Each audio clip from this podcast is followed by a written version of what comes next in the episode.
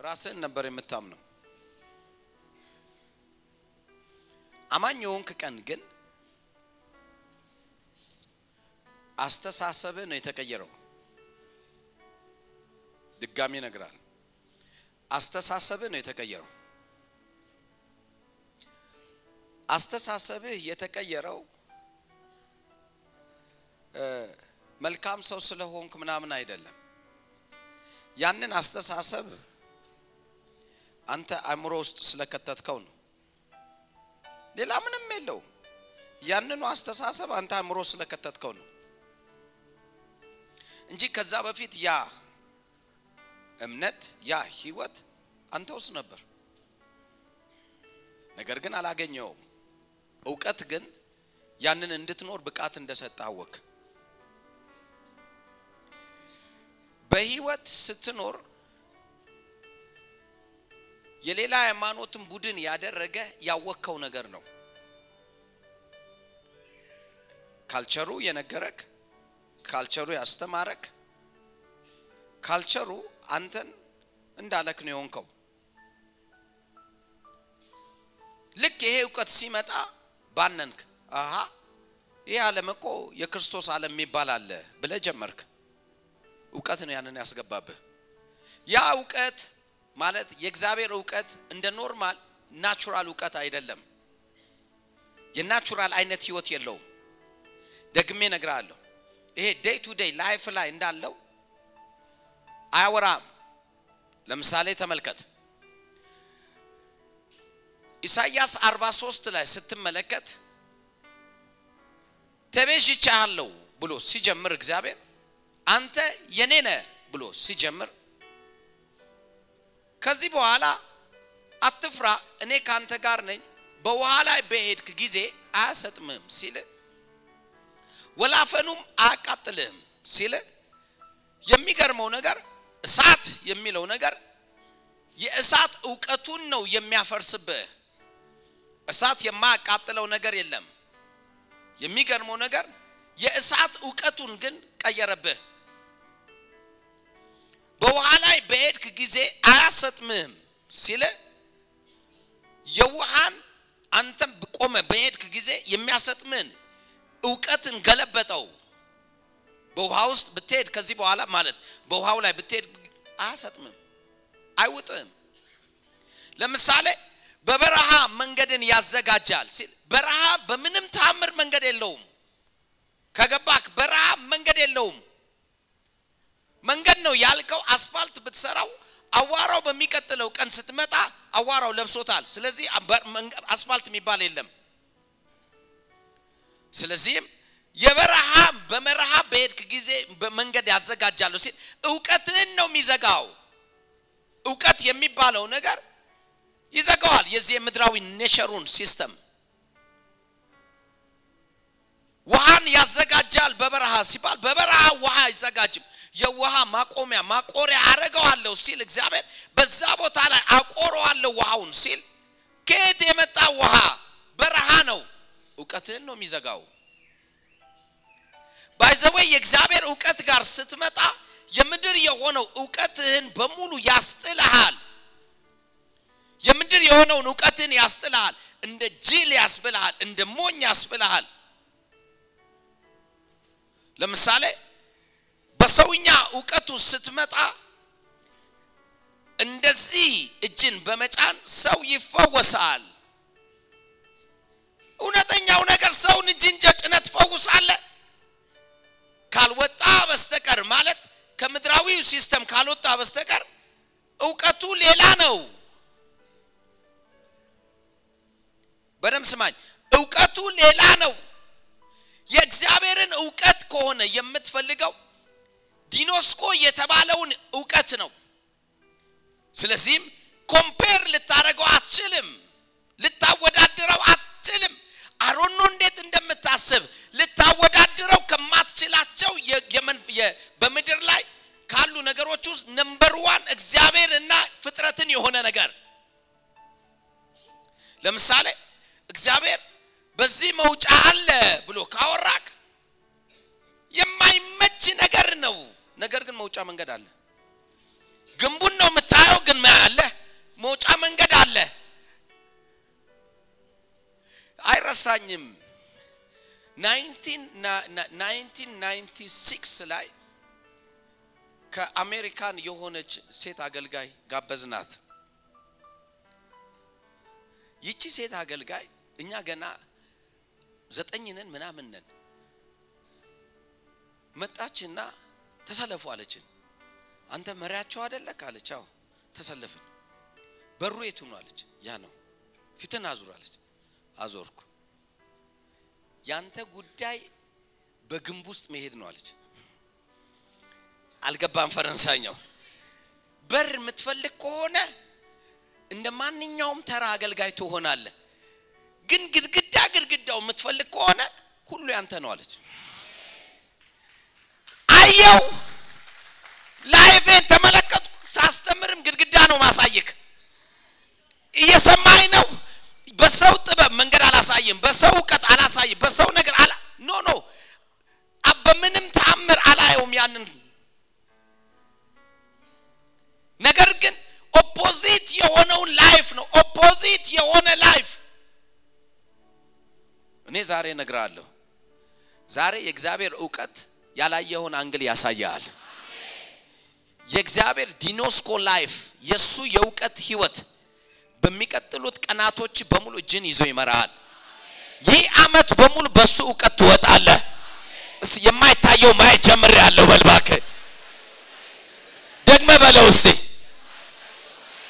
ደግመ በለው እስቲ እንደ አፍ ቃል ሆነብህ በኢየሱስ የማይታይ በቃ ማለት ከምድራዊው አስተሳሰብ ውጪ።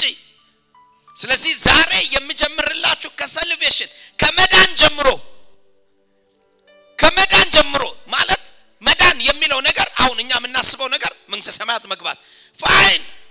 ከዛ የጀመረ ግን ህይወት አለ።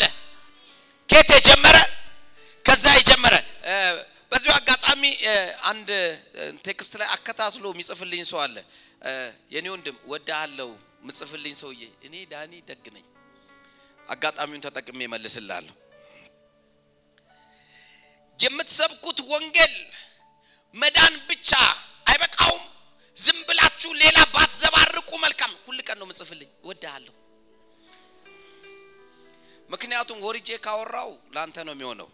ነገር ግን ማወቅ ያለብህ ከዳንክ በኋላ እግዚአብሔር የሚፈልገው life አለ። እውቀት ስለሌለ ነው። ግጩ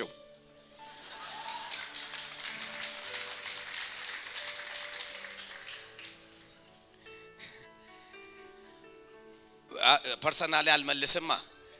እንደሱ ያለ society ሊኖር ስለሚችል አንድ ላይ ለነሱ ይገባቸዋል።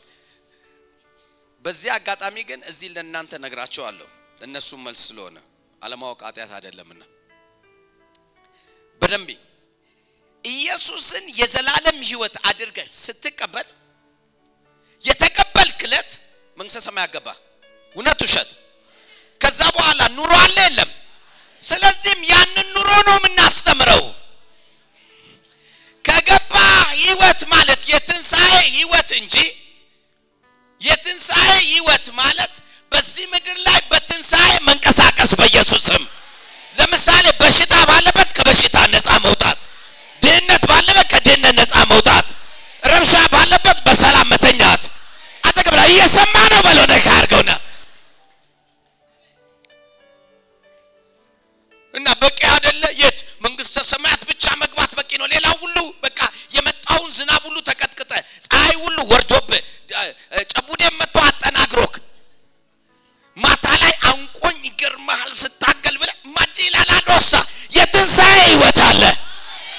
ጮክ በልና ጨቡዴው አለ። ነገር ግን ከጨቡዴው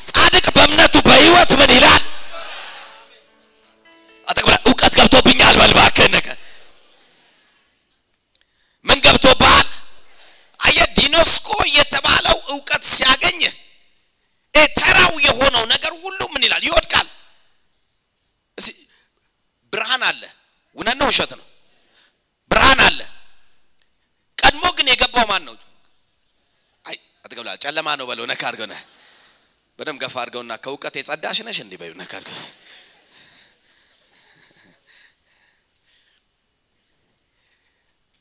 ጨለማ ባይኖር ምን የለም? ጨለማ ባይኖር ምን የለም?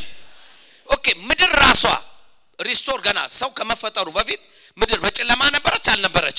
ነበረች። ዘፍጥረት ምዕራፍ አንድን በጨለማ ነበረች። እግዚአብሔርም በጨለማ ላይ ሰፎ ነበር ይላል። እግዚአብሔርም ብርሃን ይሁን አለ። ስለዚህ ጨለማ ቀድሞ ገብቷል ማለት ነው okay እግዚአብሔር ገነትን ከመፍጠሩ በፊት ሴጣን ነበር አልነበረም? ተገሏለሁ። ምን ፈተታኛለ ነበር አልነበረም በለው ነካ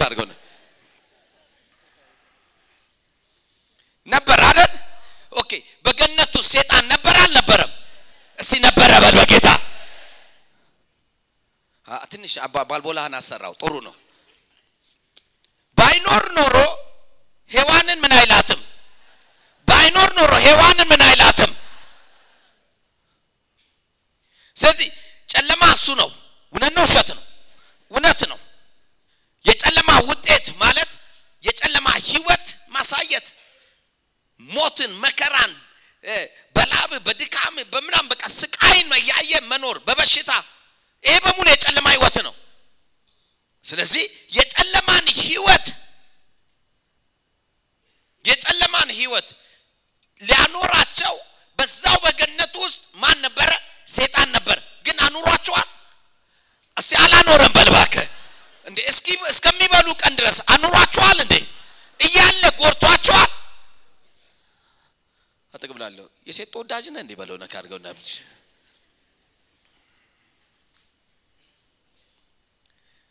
ሴጣን እዛው ገነት ውስጥ ሆኖ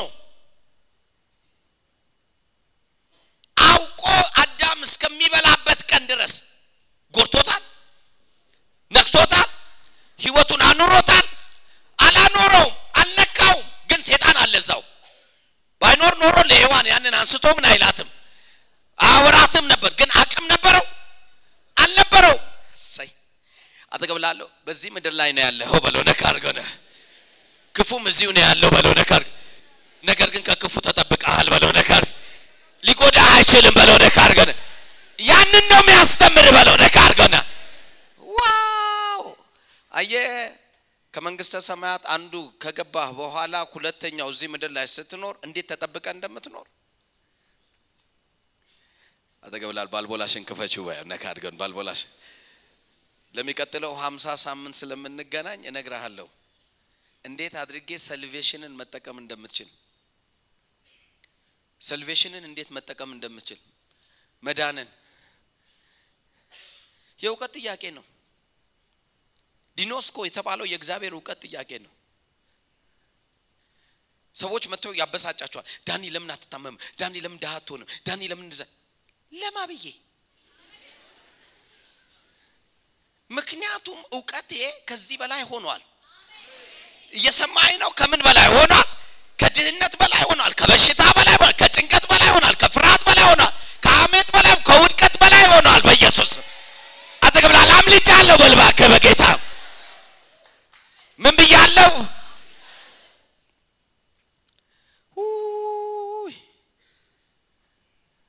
አይኔ ተከፍቷል በል እስቲ።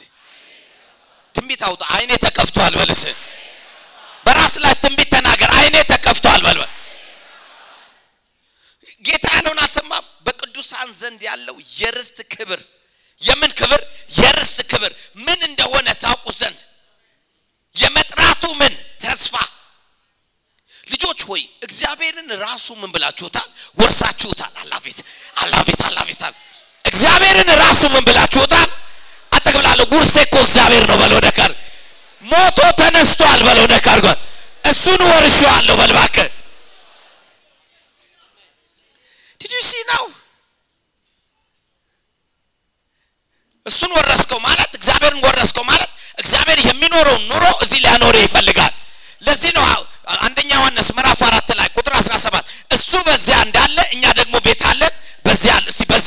በልሴ እሱ በዚያ እንዳለ በልሴ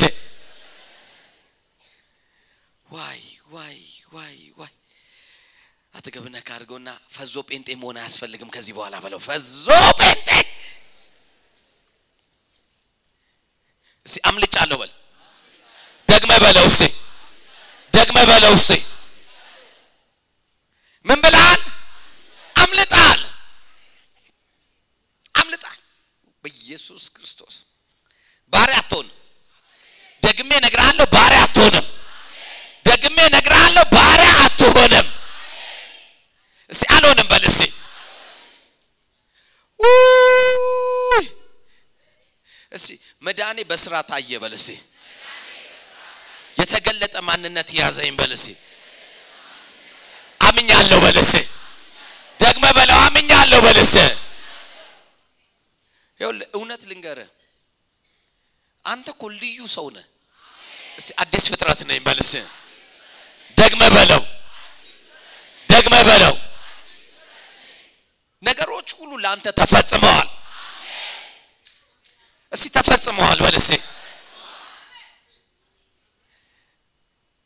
ውድቀት አለ? ሽንፈት አለ? የሆነ ነገር ሞክረክ fail አረክ ቢባል fail አላረክም። የሚገርመው ነገር ተስፋ የቆረጥክለት ብቻ ነው fail ያረከው።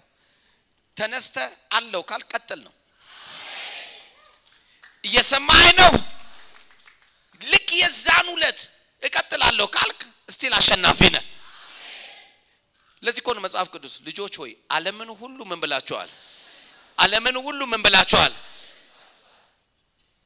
ስጀምረው ራሱ አሸንፈ ነው።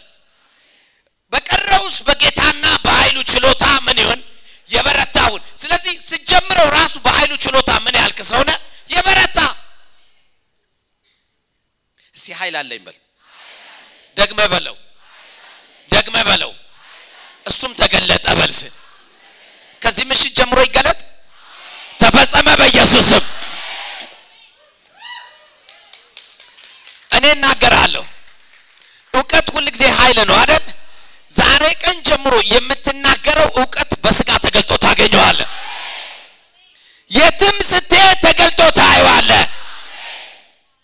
እስቲ ተገለጠ በል እስቲ ደግመ በለው ተገለጠ በል እስቲ በቃ በቃ በል እስቲ። ችግሩ ምን አለ? ስቃዩ ምን አለ? የትንሣኤ ህይወት ተጀመረ በል እስቲ። ዋጋውን ከፍሎታል በል እስቲ። ደግመ በለው ዋጋውን ከፍሎታል በል እስቲ። ምኑ ተከፍሏል? ዋጋው።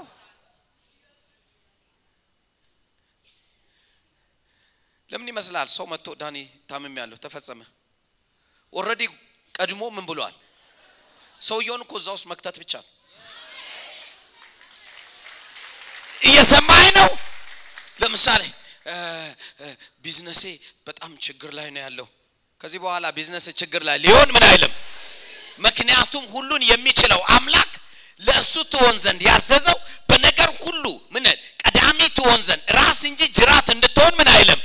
ስለዚህም ሰውየው ነው። ከዚህ በኋላ ለአንተ የሚሆነው ይሄ መልካም ነው ሰውየውን ወስዳው እዛ ውስጥ መክተት ብቻ ነው። አጠገብ ላለሁ ተሰርቷላ ስራው በለሴ። አየ እየሰማኝ ነው። ይቻላል በኢየሱስም። የኔ የሆነ ነገር ሁሉ እየበዛ ይሄዳል በለሴ። ደግመ በለው እሴ okay። ይህ unchanged result ይሆናል ማለት የማይለወጥ። ለምሳሌ ኃጢአት አይለወጥም። የሚገርመው ዋጋ መከፈል አለበት ለመለወጥ አይደል? ኢየሱስ ዋጋውን ከፈለ አልከፈለም። okay። ኢየሱስ ከከፈለ በኋላ alright ኑ። ሁለታችሁ ና ፓስተር። ተመልከቱ እሱ አማኝ ነው። ወደዛ ፊት ሄደ ከፊት እሱ እሱ ኃጢአት ነው። እሱ ደግሞ ዋጋውን ከፈለለት። አሁን በደንብ ድሮ በዚህ ባርነት ይኖር ነበር። እሱ ኃጢአት ነው ብላል ብያለሁ። ያዘው ዙርና ዙርና ያዘው እሱ ግጥም አድርገ እንዳይነቃነቅ ስለ እሱ የሚያወራ እሱ ነው። ስለ እሱ የሚያስተዳድረው እሱ ነው። ከእሱ ያለው ለምሳሌ ሴጣን በሽታ አለው፣ በሽታውን ይሰጠዋል። እየሰማኝ ነው። ሴጣን ድህነት አለው፣ ድህነቱን ይሰጠዋል። ሴጣን ጭቆና ነው ያለው፣ ጭቆናውን ይሰጠዋል። ሴጣን ያለው በሙሉ የጨለማ ህይወትን በሙሉ ለማን ይሰጠዋል? ለሱ ይሰጠዋል። ምክንያቱም ይዞታል፣ ይዞታል ስል ይዞታል። በቃ እሱ አይደለም የያዘው። ማን የያዘው? ሴጣን ነው የያዘው። ስለዚህ አሁን አንድ ነገር መፈጠር አለበት።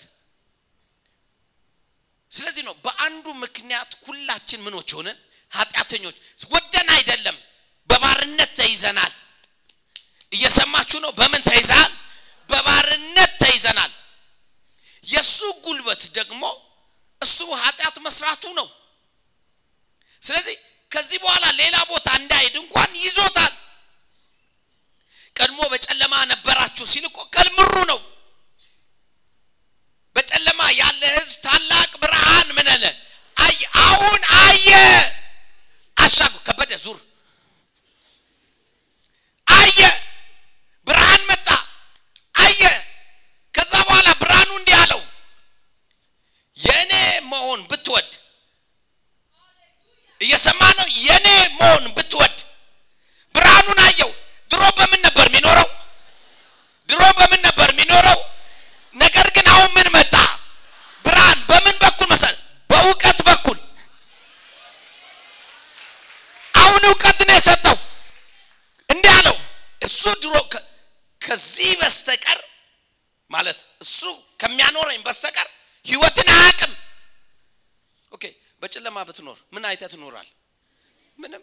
ጨለማው ያመጣው ነገር መፈንከትም ቢሆን ትፈነከታል። እንደ ጨለማው ምህረት ነው የሚያኖርህ። እየሰማኝ ነው። እንደ ጨለማው ምን ምህረት። ይሄ ጨለማ ደግሞ ሊያርድ፣ ሊሰርቅ፣ ሊያጠፋ እንጂ ሌላ ለምንም አይመጣም። አሁን ጌታ መጣ። ጌታ ሲመጣ ይዞ የመጣው ምን ነው? ብርሃን ነው። ብርሃኑ ደግሞ እውቀት ነው። በኢየሱስ ስም አጠገብላለሁ። ሃይማኖት ይዞ አልመጣም በለው። work አድርገው። ለዚህ ነው ሃይማኖት አናምንም። በኢየሱስ ስም እውቀት ነው ይዞ የመጣው። እንደዚህ አለ፣ በጨለማ ያለ ህዝብ ስማ፣ ከዚህ በኋላ ህይወት መጥቶላል ብሎ እስቲል በስርዓት ውስጥ ነው ያለው። ድምፁን ሰማ። ድምፁን ብትሰሙ እልኸኞች ምናቱን አታድርጉ፣ ልባችሁን አታጠንክሩ ብሏላ። ከዚህ የተለየ ህይወት፣ ከጨለማ የተለየ ህይወት፣ ከበሽታ ከስቃይ ከውድቀት የተለየ ህይወት አለ። አዎ አለ። እንዲህ የሚል ነው፣ በስርዓት ላይ ያላችሁ ለዕውሮች ማየትን፣ ለታመሙት መፈታትን፣ ለደዌዎች መፈወስን፣ ለታሰሩት መፈታትን አሁን መጥቷል። ማድመጥ ጀመረ። ልቡን ሊሰጥ ፈለገ። ከዛ በኋላ እንዲህ አለው፣ ብርሃን በእኔ ብትኖር ድሮ በማን ነው የሚኖረው? በሰይጣ በጨለማ። አሁን ግን በማን ነው? በብርሃን በእኔ ብትኖር እኔ የሆንኩትን አንተ ትሆናለህ። እኔ ከዚህ ከባርነት ምንድን ነኝ? ነፃ ነኝ። ስለዚህ እንደኔ ነፃ መሆን ትፈልጋለህ? ና ሲለው እንዲህ አለው ብርሃን መጥቷል ሲል ቃሉ የማን ስለሆነ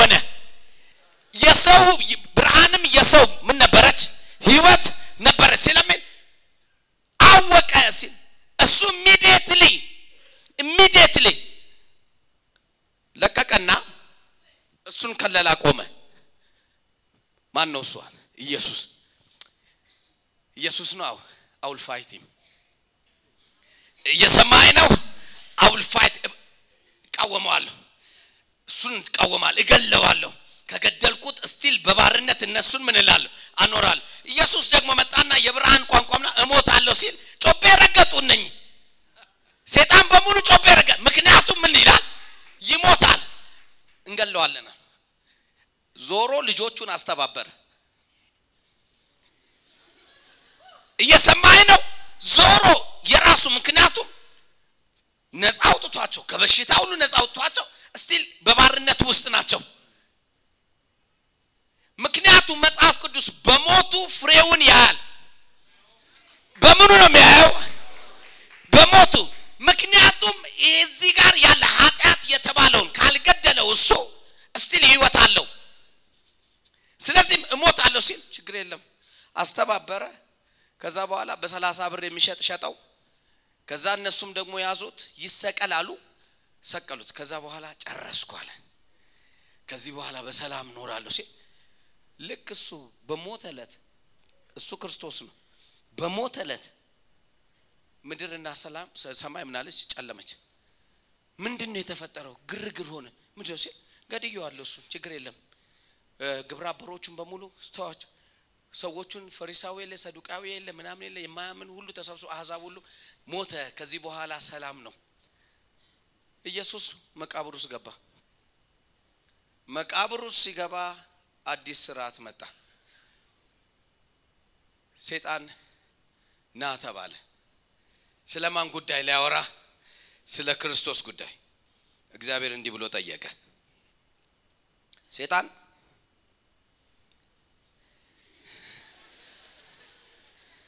እንዲህ ብሎ ጠየቀው። ከዚህ በኋላ ለኃጢአት እኔ ምን ብያለሁ? ሞቻለሁ። እነሱ ልትነካቸው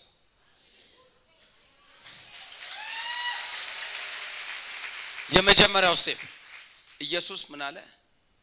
እኔ ግን ያለ አግባብ ሞቻለሁ አለ።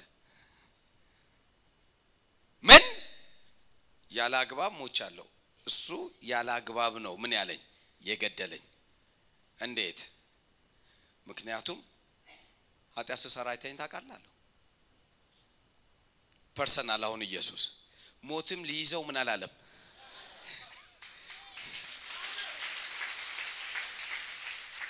ሴጣን መሸወዱ ነቃ። አሁን ለካ ባልገለው ይሻል።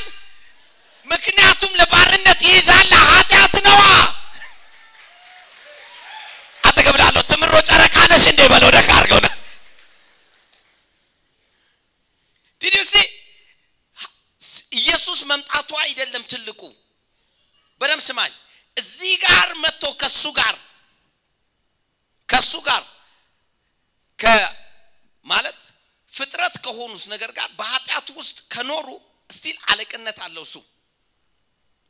ስለዚህ የነሱን ኃጢአት በስጋውና በደም ጊዜ ለማ ወሰደ ወደ እሱ ወሰደ።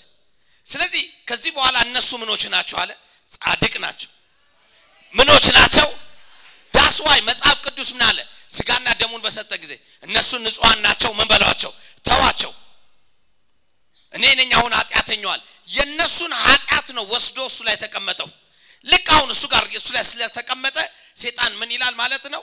በቃ አሁን እሱ ዋናው እሱ መሞቱ ነው። ከዛ ቀደም ሞትን ድል የነሳ ማንም እየሰማኝ ነው። ስለዚህም ሲኦል ገብቶ የወጣ ማንም የለም። ስለዚህ ወደ ሲኦል ወሰደው። ልክ ሲኦል ሲገባ ቆላሲያስ መጽሐፍ ላይ እንዳለው መጣ። ድል እየነሳ በዛ መካከል ላይ በግልጥ አለቆችንና ምኖችን ስልጣናትን ገፎ አለቆችን ምን ስልጣናትን ሴጣን መጀመሪያ ስም አንተ ገለኸኛል። okay አንድ እንትን አሳየኝ። አንድ ኃጢአት የሰራሁት እኔ በ life ኤ ሴጣን መዝገብ ሲያወጣ የለም። ታዲያ በምን ሂሳብ ነው የገደልከኝ አለው። ሲኦል ማስቆየት የሚችለው ሴጦ ምን ካለ ብቻ ነው? ምን ካለ ብቻ ነው? ኃጢአት ካለ ብቻ ነው። ኃጢአት ካለ ማቆየት ምን ይላል ይችላል። ስለዚህም ኃጢአት ካለ ማቆየት ስለሚችል ኃጢአት የለብኝም። አዎ የለብህም። እንኪያውስ ሞትን አምጣው። ሞት ሆይ መውጊያ፣ ሲኦል ሆይ ድል መንሳት ተረከበው። በዛ ብቻ አላቆመም። እሱ አለቃ ነው። እዛ ሌሎች አሉ ርዝራዦች፣ አጋንንት፣ ጨቡዲያም፣ አየላም ምናምን ድል በመንሳት በግልጥ ላለቆችና ለምን ለስልጣን እያዞረ ምን አደረጋቸው አሳያቸው። ሲያሳይ እንዴ እሱ ማን ነው ሲሉ ይሄማ እኮ ሴጣን አለቃችሁ ነው። ኃይሉ ምን አደረገበት ተገፈፈ። ስለዚህም አሁን ድል እያደረገ አሳየውና አመጣና እንዲህ አለው ከዚህ በኋላ በህዝቤ ፊት እንደወደቀ ሆንክ አለው።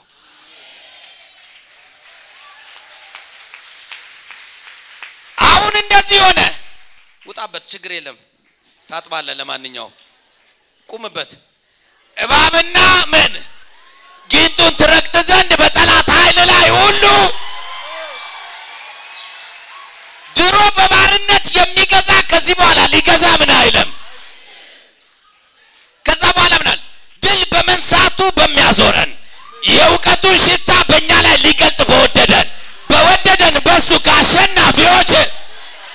ከዚህ በፊት እሱ ነበር አሸናፊ፣ አሁን ግን አሸናፊ ነን። አጠገብ ላለ አዲስ ህይወት ጀመርኩ በል እባክህ። አቅማለሁ ከዚህ በኋላ አጠገብ ስለ ሰይጣን ማውራት አቁም በለው። ነካ አድርገው ነህ already ድል ነስተኸዋል በለው። ነካ አሁን አዲስ ህይወት ተጀመረ። እንዲህ አለው ከኔ ጋር አብረ በአብ ቀኝ ትቀመጣለህ አለው። የሚገርመው ነገር ገና ሳይፈጠር እንዲህ አለው ከኔ ጋር አብረ ሞታል፣ ከኔ ጋር አብረ ምን ብለሃል አላለም ብለዋል። በቃ ከዚህ በኋላ የክርስቶስ ኢየሱስ የሆኑት ስጋን ከክፉ መሻቱ ጋር በመስቀሉ ላይ ምን አደረጉት? ከዚህ በኋላ ተመልሶ ይመጣል። ከዛ ይሄዳል። የሞት መውጊያው በሽታ ነው አይደለም የሚለው መጽሐፍ ቅዱስ ሲያይ ድሮ በባርነት ነበር ይገለው ነበር። አሁን ግን ሊገለው ምን አይልም። ምክንያቱም አብሮት ማን ነው ያለው? ድል የነሳው በኢየሱስ ስም አጠገብ ላለው ድል እየነሳ ዞር ያለው በልባክ አጠገብ ላለው ጊኖስኮ ህይወት በልባክ ጊኖስኮ ህይወት why why why why ለምን ይመስልሃል የምትዘምረው መዝሙር ሁሉ የድል መዝሙር። ምክንያቱም already ድል አድርጎልሃል። ደስ ከሚለኝ በመጽሐፍ ቅዱስ ውስጥ በቀረውስ በጌታና በኃይሉ ችሎታ የበረታ ሁን። የሚገርመው ነገር እኔን ለመሸከም ይሄ ነገር እኔ ያመጣሁት ነገር አለ። እኔን አለ ዝም እየወጣሁበት ምክንያቱም መሸከም ምን ይላል? ይችላል። ጌታም ልክ እንዲህ ነው የተሸከመክ። ጮክ በልና አዲስ ህይወት ጀምር ያለው በልባከ በለው አዲስ ህይወት ጀምር ያለው በል። ምን ህይወት ጀምራል ለዛ በቃ ነው በቃ ችግር መከራ ዝም ብሎ መኖር ነው ከኢየሱስ ጋር ለካ ያስረሳሃል ችግርን ጥያቄ መኖሩን ሳስበው ጌታ ጠገቤ ዲዲሲ ነው ማን ነው የሚያይክ ጌታ ማን ነው የሚወጣልክ ጌታ ስራውን የሚሰራው ማን ነው የሚገርመው ነገር ከዚህ በኋላ አለም እንዲህ አላለ ያለው እጁን ለያዝኩት ቂሮስ። የሚገርመው ሴቶ ምን ያህል አስፈሪ ነው ቢባል ቢወራ ከጌታ ይበልጣል? እርግጠኛ ነን የሚገርመው እጅን የያዘው ማን ነው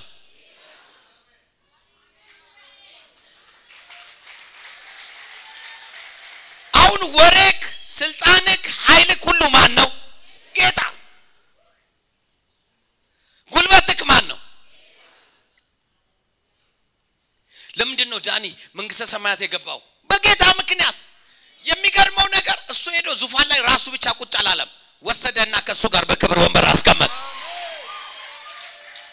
ጮክ በልና በአብ ቀኝ ተቀምጫለሁ በልባክ ማን ነው የተቀመጠው ኢየሱስ ኢየሱስ ብቻውን ሄደ ማንን ይዞ ሄደ። እስቲ እኔን ይዞ ሄደዋል በልባክ እሱ ደግሞ እንደዚህ አለ። እኔ በዚያ እንዳለው እናንተ ቤት አላችሁ በዚህ አለ። ስለዚህም እዚህ አለ የለም። እንዲህ አላችሁ ሂዱ ወንጌል ለፍጥረት ምን በሉ? ስበኩ። እውሮችን ምን በሉ? አብሩ። በጠላት የተጠቁትን ሁሉ ምን አድርጉ? ነፃ አውጡ። ስለዚህ መጣ። አሁን ከዚህ ቀደም በስርዓት ነበር። እሱ ነበር እንደፈለገ የሚያቦካው የሚገርመው አሁን ግን ምን አለ? ኃይል ለበሰ። በውስጥ አዋቂነት እሱ አለ። ተመልከት በውስጥ አዋቂነት እሱ ነው ያለ። አሁን እሱ የያዛቸው በባርነት የተያዙ እና ከበደ በባርነት የተያዘ አለ። የኔ ነው ብሎ ሲል ምን ይላል እሱ? በሱ ውስጥ ሆኖ ነው እሱ የሚያወራው። ያንተ የሆነ ምንም ነገር ትዝ ይልሃል? በመስቀሉ ቦታ ላይ እኔም በቸነከር ጊዜ ያለ ዋጋዬ ነው ምን ያልከው? ያስከፈልከኝ። ስለዚህ illegal ነው የእሱ ዋጋ ነው ምን ያልኩት? የከፈልኩት። እኔን በተመለከተ መጀመሪያ ምንም ልትጎዳኝ ምን አትል? አትችል። ምክንያቱም ኃጢአት አግኝተህብኝ አታውቅም። ስለዚህ የእነሱ ኃጢአትን ነው ያስከፈለክ። ስለዚህ የነሱ እነሱ ነፃ እንዲወጡ ነው እኔ ምን ያልኩት? የሞቱት እንጂ እኔ ኃጢአት ሰርቻ አይደለም። ስለዚህም አሁን አንድ ነገር ነግርሃለሁ ምክንያቱም ይህ ሰው የኔ ነው ለዛ እኮ ነው ገና አዲስ አማኝ የሆነ ለት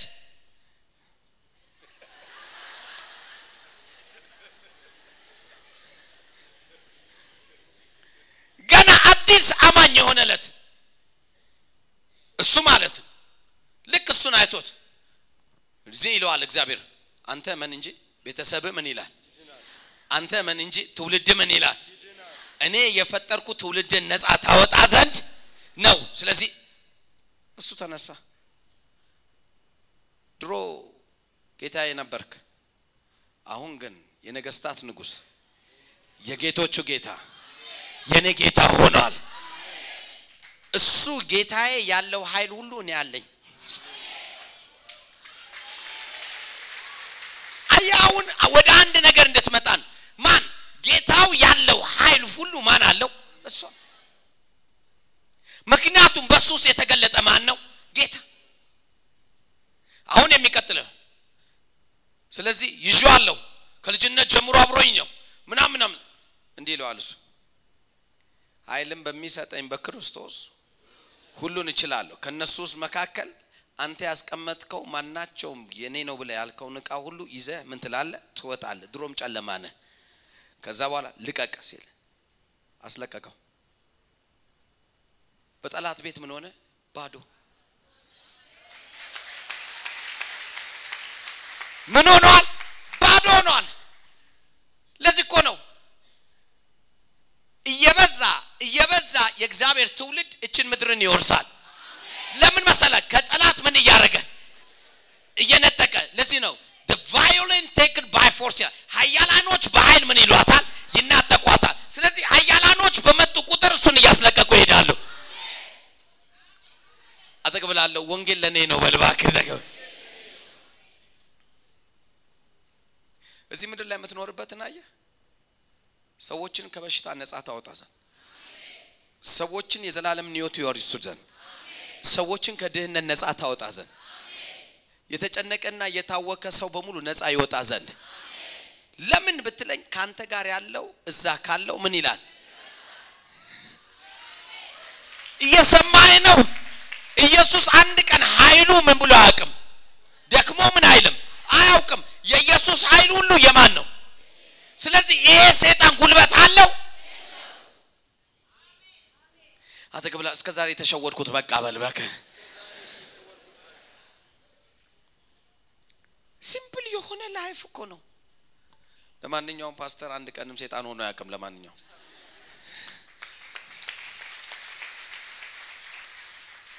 ይህ በጌታ አይኖች ይከፈቱ። ለምን አማኝ ሆንኩ ብለ ብታው ብትጠይቅ ራስህ አማኝ የሆንክበት ዋናው reason ኡ አማኝ የሆንክበት ዋናው reason ኡ በነፃነት ትኖር ዘንድ ክርስቶስ ምን አረገ? ነፃ ከየትኛውም ጉስቁልና ከየትኛውም ውድቀት ከየትኛውም ፍርሃት ይሄ salvation የሚለው ነው። ሶቶሪያን ይለዋል ማለት። ይሄ ሶቶሪያን የሚለው word ን በደንብ አስተውሉ። ሶቶሪያን የሚባለው word እጅግ እጅግ እጅግ ወሳኝ የሆነ የመንፈስ ቅዱስ ያካሄድ መንገድ ነው። ሶቶሪያን ከምንድን ነው? ከ only ከዘላለም ህይወት ከሞት ብቻ ማለፍ ሳይሆን ነገር ግን እዚህ ምድር ላይ ስትኖር በእግዚአብሔር እውቀት መኖር። እውቀቱ ስትኖር አይዝም ለምሳሌ አዲስ ብሎ ሲል ወይኔ እኔ አንድ ሰው ካስነጠሰ ወዲያው ነው አፍንጫዬን የሚይዘኝ ድፍን ያደርገኛል። አላቅም ለምን እንደሆነ ስንት ዘመን መሰለ ወዲያውን እኮ ቅጭ የሚያደርገኝ የሰውማ በቃ አይለቀኝም አንድ ወር ያስተኛኛል የሴጦ ትምህርት ነው? ተቀብለው ትኖር ነበር። አሁን ግን ምን አለ? የትኛውን ቫይረስ ባክቴሪያ ጀርም አያገኝም ልክ ይህንን እውቀት ስትሰማ የስ! ከዛ አንድ ሰው መጥቶ አዲስ ሲል አልቀበልም። ከዛ በኋላ በሰላም ታድራለህ። አፍንጫክ ወዲያውኑ የሆነ ነገር ካሸተተ allergic እኮ ነው ፊትህን ይበላኛል ምናምን ወዲያው አሁን ግን ምን ሆነ? allergic የሚባል ነገር እኔ ህይወት ላይ ምን አይለም አይሰራም። ልክ አይሰራም ስትል ምን አይለ? አይሰራም። የማን መንግስት እውቀት ነው ይሄ? የእግዚአብሔር መንግስት እውቀት። ምን ይባላል? ጊኖስኮ ይቻላል። ዝም ብለ ጴንጤ ጴንጤ ጨዋታ መጫወት። ይገርማል። ሰው ምግብ ቲማቲም ከበላው አሜባ ታይፎድ ታፈሰ ሁሉ ይዘኛል ለምንድን እኔ እንጃ ለምን እንደሆነ አላቅም ብቻ ወዲያውን የሚያመኝ። ሽሮ ከበላው ያሳክከኛል። ከዛስ ምን ያደርጋል? ሰውነቴ ለሶስት ወር ነው። ለምን እንደሆነ? allergic እኮ ነኝ። አደላ ሽሮ አታርጉት allergic አህዛብም እንደዛው ነው። አንተ ግን ምግብን ስታቀርብ በኢየሱስ ክርስቶስ ስም ክፉ ሁሉ ምን ያለ? የተመታ ይሁን። ከዛ በኋላ ስትበላ አንተ አይደለህም የባረከው። በአንተ ውስጥ ሆኖ ያለ ባራኪው አንተ ውስጥ አለ። እስቲ በጠላቶች መካከል እገዛለሁ ብሎ ነካርጋል ወይኔ የገባለት በኢየሱስ ክርስቶስ! ሴጣን እዛ ገነት ውስጥ ነበር አልነበረም? በዛ መካከል ግን ማን ነበር የሚገዛው? እስቲ አዳም በል በጌታ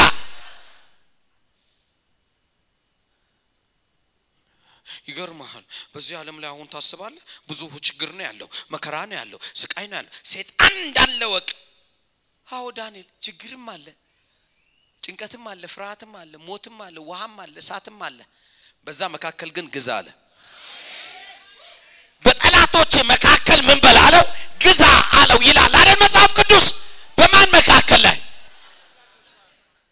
አጠቅብላ ልገዛለሁ በለው ነካ አድርገውና ደግመ በለው እገዛለሁ በል እባክህ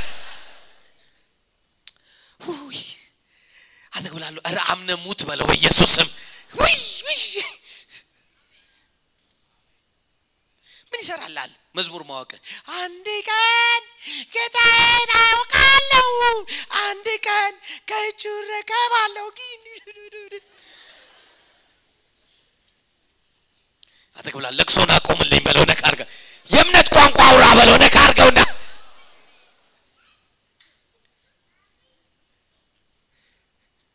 እስቲ አንድ ሰው አንድ ቀን ጌታዬን አየዋለሁ። የት ሄዶብህ? ሁሌ በፊትህ ላይ ነው። የሌለ መጽሐፍ ቅዱስ አብሬ ከወጣለሁ ገባለሁ አይደለም የሚለው? አጠገብላለሁ ማስተዛዘኛ ሎተሪ የቆረጥክ መሰለ እንዲህ በለው ነካ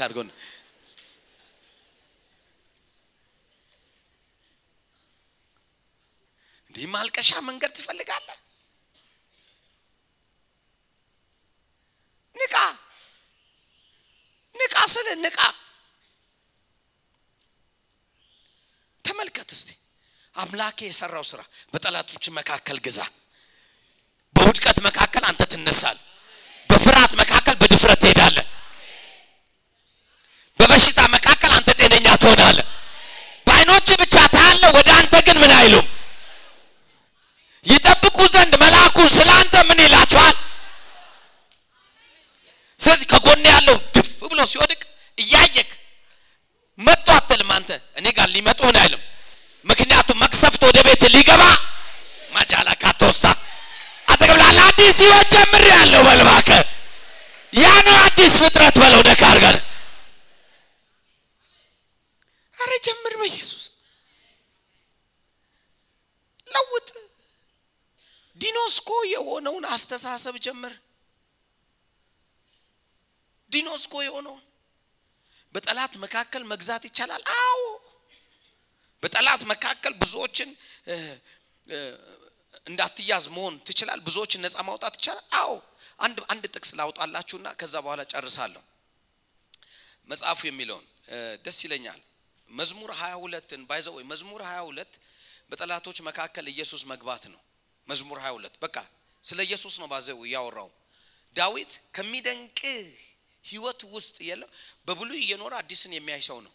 ስለዚህ መዝሙር 22 የሚናገሩ ተመልከት። አምላኬ አምላኬ ለምን ምን ልክ ተወኝ፣ እኔን ከማዳንና ከጩኸት ቃል ምን ሩቅ ነህ። አምላኬ በቀን ወደ አንተ እጣራለሁ አልመለስልኝም፣ በሌሊትም እንኳን እረፍት የለኝም። በእስራኤል የተመሰገንክ አንተ ግን በምን አለ በቅድስና ምን ትኖራለህ። አሁን ለወጠው። ጩኸቱ ነበረ፣ አሁን ቫይስ ቨርሳ ቁጥር 16 ናል ታሪክ ስለሆነ ሌሎቹ ብዙ ውሾች ከበው ከበውኛልና የክፋተኞችም ጉባኤ ያዘኝ። እጆቼንና እግሮቼን ምን አረጉ? ማን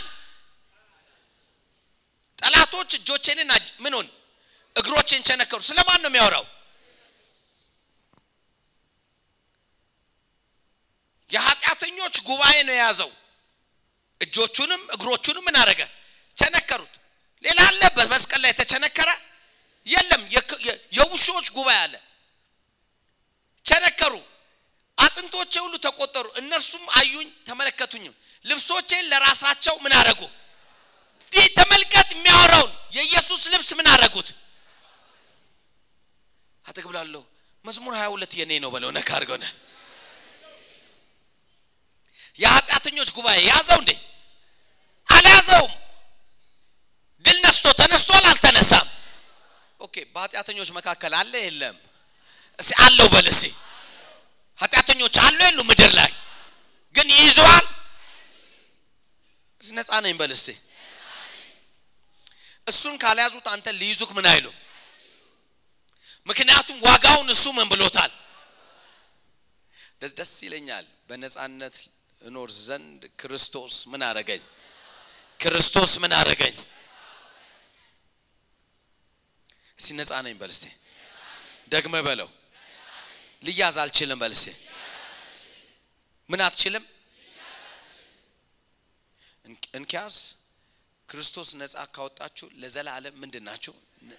እስቲ ነፃ ነኝ በል እስቲ። ደግመ በለው እስቲ። ከመርገም ነፃ ነኝ በል እስቲ። ከምን ነፃ ነክ? ከምን ነፃ ነክ? ዛሬ ተፈጸመ። ዛሬ ተፈጸመ። ከዚህ በኋላ በምትሄድበት ቦታ ሁሉ አሸናፊ ነህ።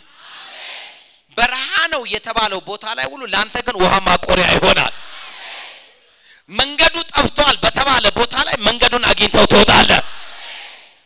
የለም በተባለ ቦታ ላይ የአንተ ግን መኖር አለ። ተባረሃል፣ ጠፍተሃል ምናምን በተባለበት ቦታ ልትባረር አይደለ? አንተ ግን ተሹመሃል በኢየሱስ ጮክ በልና ሹመት ነው ለእኔ በለው እባክህ።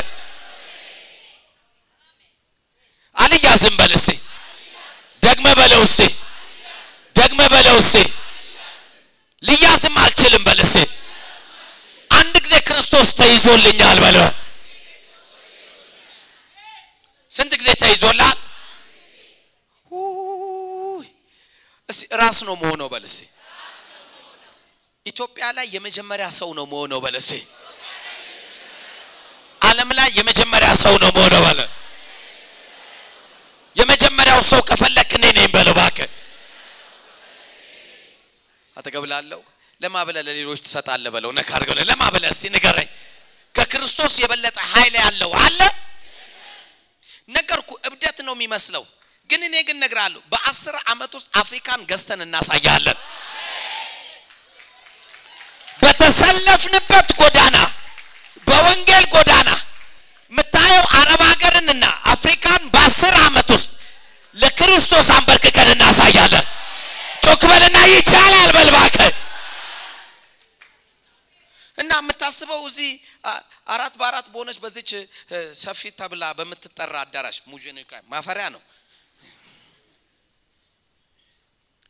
ብዙ ሰው መቶ ዳኒ ትልቅ church ነው ያለክ ማ ይቢኪኒ እኔና የ church አንመጣጠንም። ነውር ማውራት እንኳን አትችልም። ከልቤ እነግርሃለሁ። ምነግርህን በደምብ ስማኝ።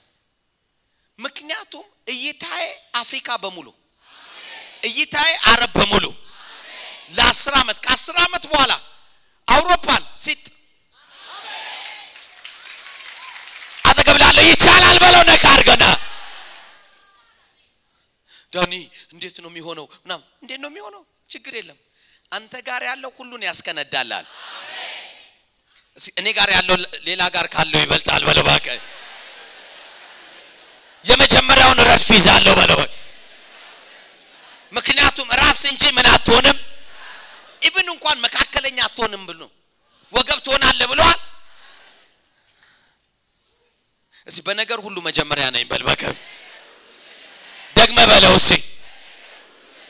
ደግመ በለው እስቲ።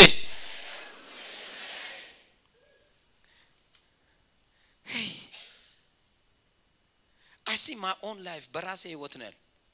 በትምህርት ቤት በነበርኩ ጊዜ መጀመሪያ ስፖርተኛ በነበርኩ ጊዜ መጀመሪያ ሰባኪ በሆንክ ጊዜ መጀመሪያ። አጠገብላ ቢያበሳጭም ይሄ ነው ታሪኩ በለው ነካር ለምን ከልጅነት ጀምሬ ማምነው ዋጋው ምን ብሏል? ዋጋው ምን ብሏል? ዋጋው ምን ብሏል? ዳኒ የተለየ ሰው ስለሆንክ ነው? ማን? እኔ? ማጁነ ከቲ እንዳንተው ይደብረኛል።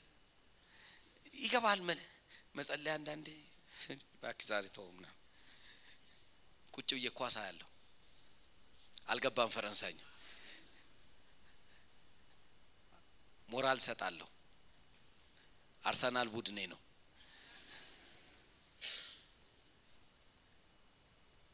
በቃ እንደሚሆን ብዬ እወጣለሁ። መተኛ ትፈልጋል አንተ እንደምትሆነው ይሆናል። ምንም አይደለም።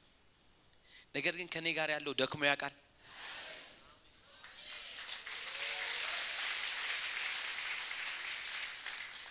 የሆነው ዳኒ ጀት የሆነ እውቀት ነው ያለሽ። ጀት ጀት የሚባል የለም። ጀት የሆነ ውስጥ ካለ ቀላል ነው። እየሰማኝ ነው? ማን ካለ ጀት የሆነው? ሁሉን ድል በመንሳት የሚያዞር እሱ ከሆነ ወንድሜ አትታወቅ ጊዜው የማን ነው? እስቲ የኔ ነው በል በጌታ የኛ አትበለኝ በኢየሱስ ስም ያንተ ነው በኢየሱስ። የኔ ነው እስቲ ደግመ በለው እስቲ ያሳለፍከው ትዝታዎች ናቸው እንጂ ከዚህ በኋላ ህይወት አይሆኑም። ህይወት አይሆንም በል እባክህ። ትዝታ ነው በለው ነካርከን የታመምክባቸው ትዝታ ናቸው እንጂ አሁን ልትኖርባቸው አልተገባም። ያጣሃቸው ትዝታ ነው እንጂ አሁን ልትኖርባቸው አልተገባም የፈራሃቸው ትዝታ ነው እንጂ አሁን ልትይዛቸው አይ- አይገባም። እስቲ አምልጫለሁ በለስ ደግመ በለው አምልጫለሁ በለስ አዲሱ ስርዓት ገብቶልኛል በልበቅ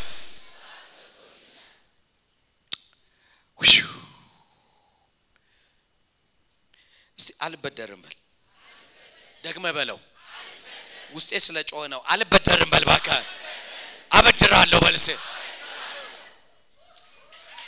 ከልቤ ነው ምለ step one ነው። ምን እያልኩ ነው? ጊኖስኮ life። የጊኖስኮ life ስጀምር ብድር የለም። ማበደር ትጀምራል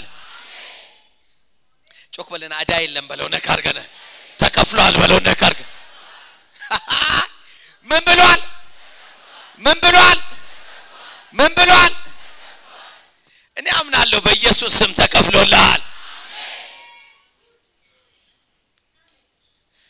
ያለው በል እስቲ። ደግመ በለው አልፍ ያለው በለ። ምን ብልሃል ዳግመኛ አልያዝም በለ እስቲ በጌታ። በደንብ ገፋ አድርገውና ለማ ብዬ በለው ነጋ ለማ ብዬ። ነግሬ ያለው ይሄ ዘፋኝ ቀደመኝ ይህን መዝሙር ሳላወጣ። ለማን ብዬ ምናምን ነው አደለ ያለው? እሱ መዝሙር ማምጣት አለብህ ብራዘር ለሴቶ ብለህ ትያዛለህ ለማ ብለህ እስቲ ሩቅ ነኝ በል ደግመ በለው ደግመ በለው ልያዝ አልችልም በለው ዋጋው ተከፍሏል በል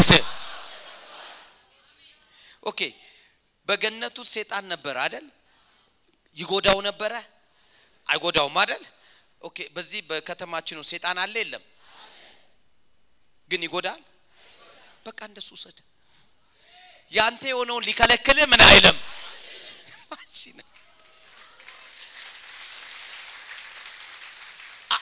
እንትን አትበለው። ሰዎች እንደሚሉት ሴጣን ይዞብኝ ነገሬን ሴጣን እንደዚህ አድርጎብኝ እንደ ያንተን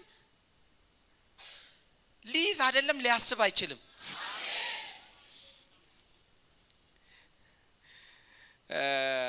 በእንትን ስለቀው አየና አንድ ሰው ማለት ስለ 66 ሚሊዮኑ እና ዳኔ ጤነኛ ሆነሽ ነው ወይንስ ነቅለሽ ነው 66 ሚሊዮን ህንፃ ለመስራት አለ። በቃ ዘመንን ሁሉ ለሱ ሰርተህ ልትኖር ምን አልክ? በል ይሄ የምታወራው አሁን ያንተ ኖሲስ ነው። ኖሲስ ማለት ምድራዊ system ነው። እኔ ደግሞ ጊኖስኮ ነው።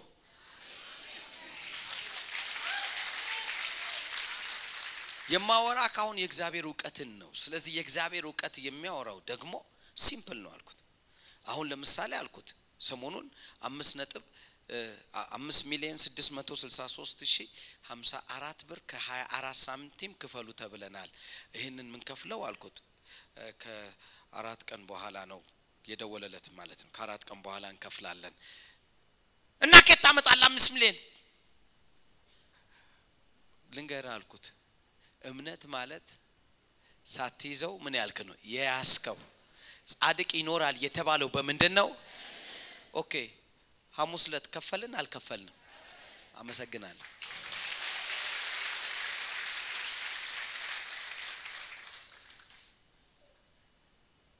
ልንገርህ ከ church church የተለያየበት ምክንያት የ ጊኖስኮ እውቀት እንጂ ሌላ አይደለም።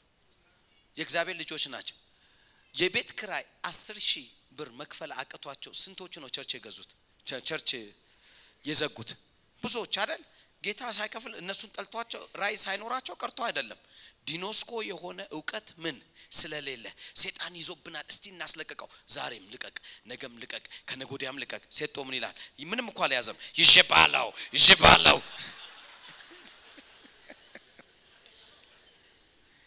ይዞብንም አያውቅም፣ ወደፊትም ሊይዝም አይችልም። ጮክ በልና ነፃ ነው በልባክ okay አዳም ከዛ ዛፍ በስተቀር ሌላውን ሁሉ ብላ ተብሏል አልተባለም? አስተዳደር ተብሏል አልተባለም? ሴጣን ከልክሎታል። እዛ ውስጥ ሆኖ እዚሁ ምድር ላይ እያለ ሴጣን እያለ ሁሉን እየገዛ ትኖራለ። ጮክ በልና እችላለሁ በልባክ ችግር የለውም። አሁን በሚቀጥለው ሳምንታቶች ስለምናይ ሐሙስ ሐሙስ ላይ ጊኖስኮ life እንዴት አድርገ እየገዛ መኖር እንደምትችል እየሰማ ነው። እስቲ እየገዛው ወጣለሁ፣ እየገዛው ገባለሁ በል። እንደ አፍ ቃል ሆነብህ። በአፍ ቃል አሰሬሃለሁ። ከዚህ በኋላ ትገዛለህ፣ በመውጣት ትገዛለህ፣ በመግባት ትገዛለህ። የትም ቦታ ስትወል ትዘርፋለህ በኢየሱስ ጮክ በልና ሁሉንም እሰበስባለሁ በል እባክህ። ምን ሰበስብ፣ አትጨነቅ። እሱ ሁሉ የኔ ነው በልስ። ጌታ እኮ በሙሉ ነው የሰጠ። ይቻላል በልስ። ደግመ በለው፣ ደግመ በለው። ለሶስት ሰው ጨብጠውና ዛሬ ተፈጸመ በለው ነገር